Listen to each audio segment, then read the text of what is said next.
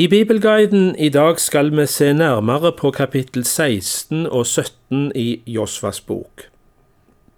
Vi hører her om tildeling av landområder for Josefs etterkommere, Efraim og Manasseh. Halve Manasseh-stamme hadde fått landområder av Moses på østsida av Jordanelva, før invasjonen av Kanan.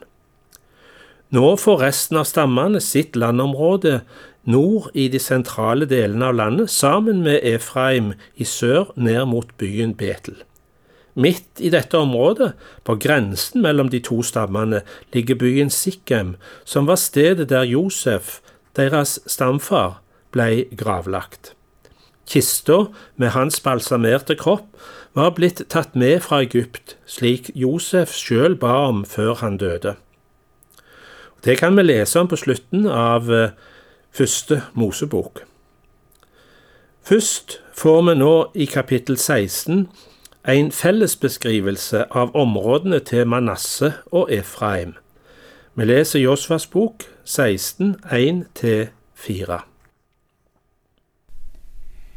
Josef-stammens område strakte seg fra Jordan ved Jeriko øst for Jerikokilden, gjennom ørkenen som stiger opp fra Jeriko, til fjellet ved Betel.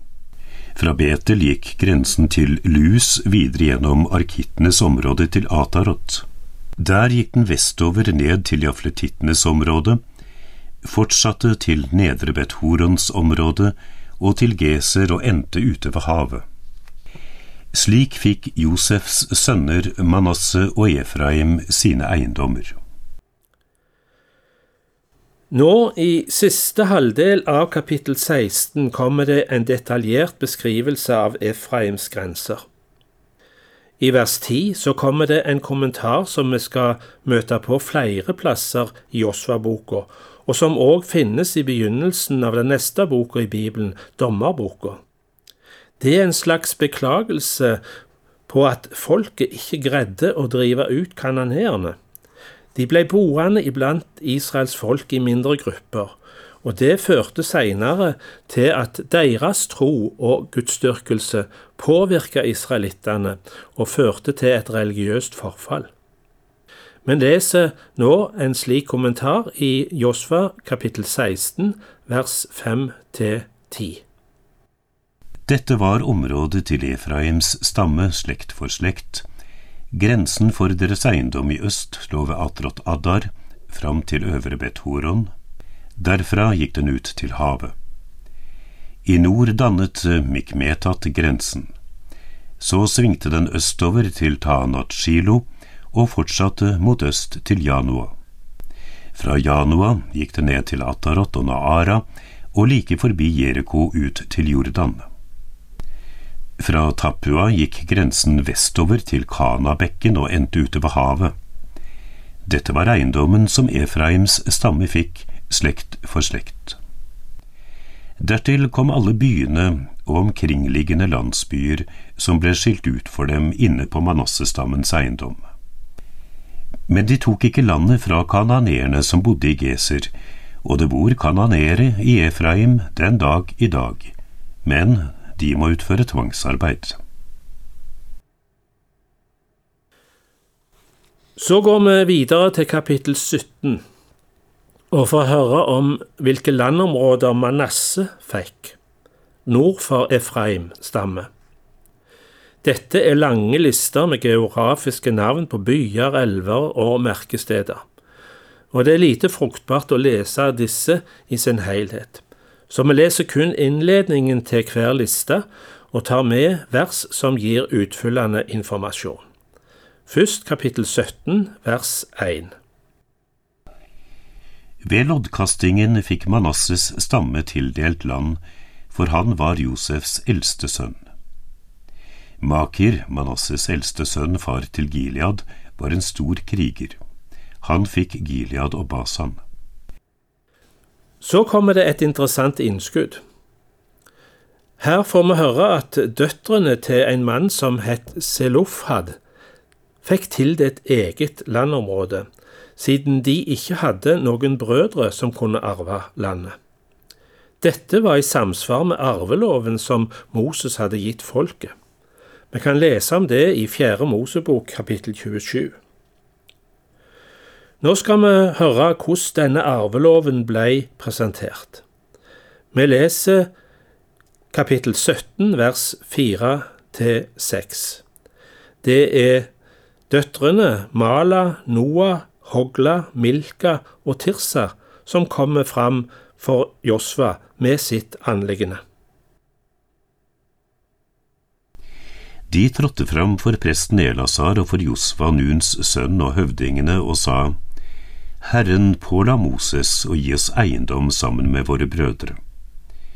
Og de ga dem land sammen med deres fars brødre, slik Herren hadde sagt. Slik falt det ti andeler på Manasseh, i tillegg til Gilead og Basan på østsiden av Jordan.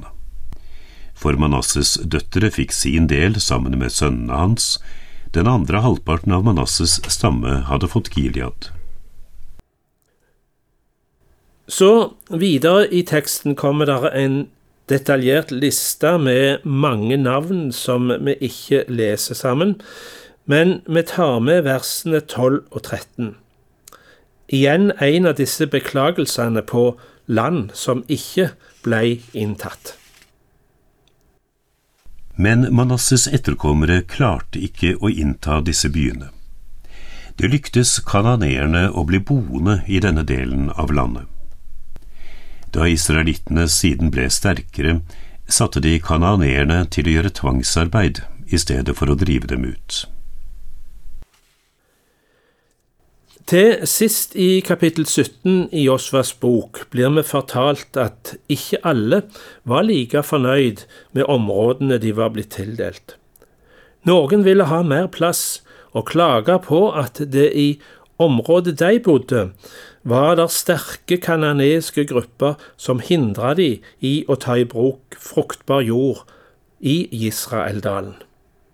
Vi hører hva som skjedde i Josva kapittel 17 vers 14 til 18. Josefs etterkommere sa til Josfa, Hvorfor har du gitt oss bare én lodd og én andel som eiendom? Vi er jo et tallrikt folk fordi Herren hittil har velsignet oss. Josva sa til dem, Er dere så tallrikt et folk, kan dere gå opp i skogtraktene og rydde jord der i perisittenes og refaittenes land, siden Efraims fjelland er for trangt for dere. De svarte, Fjellandet rommer oss ikke, og alle kananeerne nede i dalbygdene har stridsvogner av jern, både de som bor i Betsjean og i småbyene omkring, og de som bor på Israelsletten. Da sa Josva til Josefs hus, til Efraim og Manasseh, du er et stort folk, og du har stor kraft. Du skal ikke bare ha én del. Et helt fjellområde skal du få. Det er skog der, men den skal du hugge. Da blir det ditt, både fjell og dal, og du skal ta landet fra kananeerne, selv om de har jernvogner, og selv om de er sterke. Følg oss i neste program i Bibelguiden, der vi skal høre om at Josva kartlegger landet og gir Benjamins stamme sitt område.